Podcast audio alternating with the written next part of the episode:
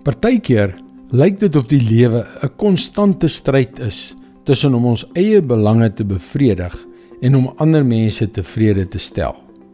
Soms kry ons daardie balans reg. Ander kere is dit nie so maklik nie. En wanneer ons dit nie reg kry nie, is dit 'n gemors. Hallo, ek is Jockey Gouchee vir Bernie Diamond en welkom weer by Vars. Sê my as jy in die oggend uit die bed rol, wie beplan jy om daardie dag tevrede te stel? Jouself? Ander? God? Of dalk dink jy nie so daaraan nie? Oor die jare het ek op die moeilike manier geleer dat dit nie so 'n goeie idee is om nie daaraan te dink nie. Want as ons dit nie vooraf bedink nie, werk dinge nie so goed uit nie. Sommige van ons Ek is self hieraan skuldig. Versuim om genoeg aandag aan onsself te gee. En dit is dikwels tot nadeel van ander en beslis tot nadeel van ons verhouding met God.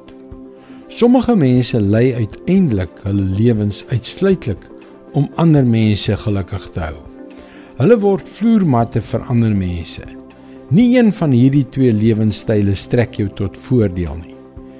Hier is hoe koning Dawid dit in sy gebed tot God gestel het. Psalm 19 vers 14.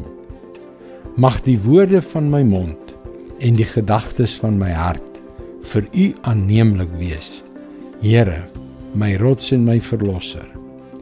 Dawid was 'n man na God se hart en sy hart se prioriteit was om God te behaag. Dit vra opoffering. Dit behels vergifnis. Dit behels dat jy jou tong moet beheer wanneer jy lus het om 'n bitsige antwoord te gee. Trouwens, dit behels baie dinge wat ons nie van nature wil doen nie. Nou waarom wil Dawid daardie dinge doen? Want hy vertrou die Here. Hy noem hom Here, my rots en my verlosser. Dit is sy motivering. Hoeveel keer was God jou rots? Hoeveel keer het hy jou al gered? Leef jou lewe in die eerste plek om hom te behaag. Dis sy woord vars vir jou vandag. 'n Snaakse ding gebeur wanneer ons vir eens en vir altyd besluit om God eerste te stel in ons lewens. Sy genade verander ons lewens. Dis hoekom jy gerus na ons webwerf varsvandag.co.za kan gaan om in te skryf om daaglikse vars boodskappe in jou e-posbus te ontvang. Wanneer jy inskryf, kan jy ook die gratis e-boek Standvastig in onseker tye ontvang. Onthou dit is by varsvandag.co.za. Luister weer maandag op dieselfde tyd op jou gunstelingstasie na nog 'n vars boodskap.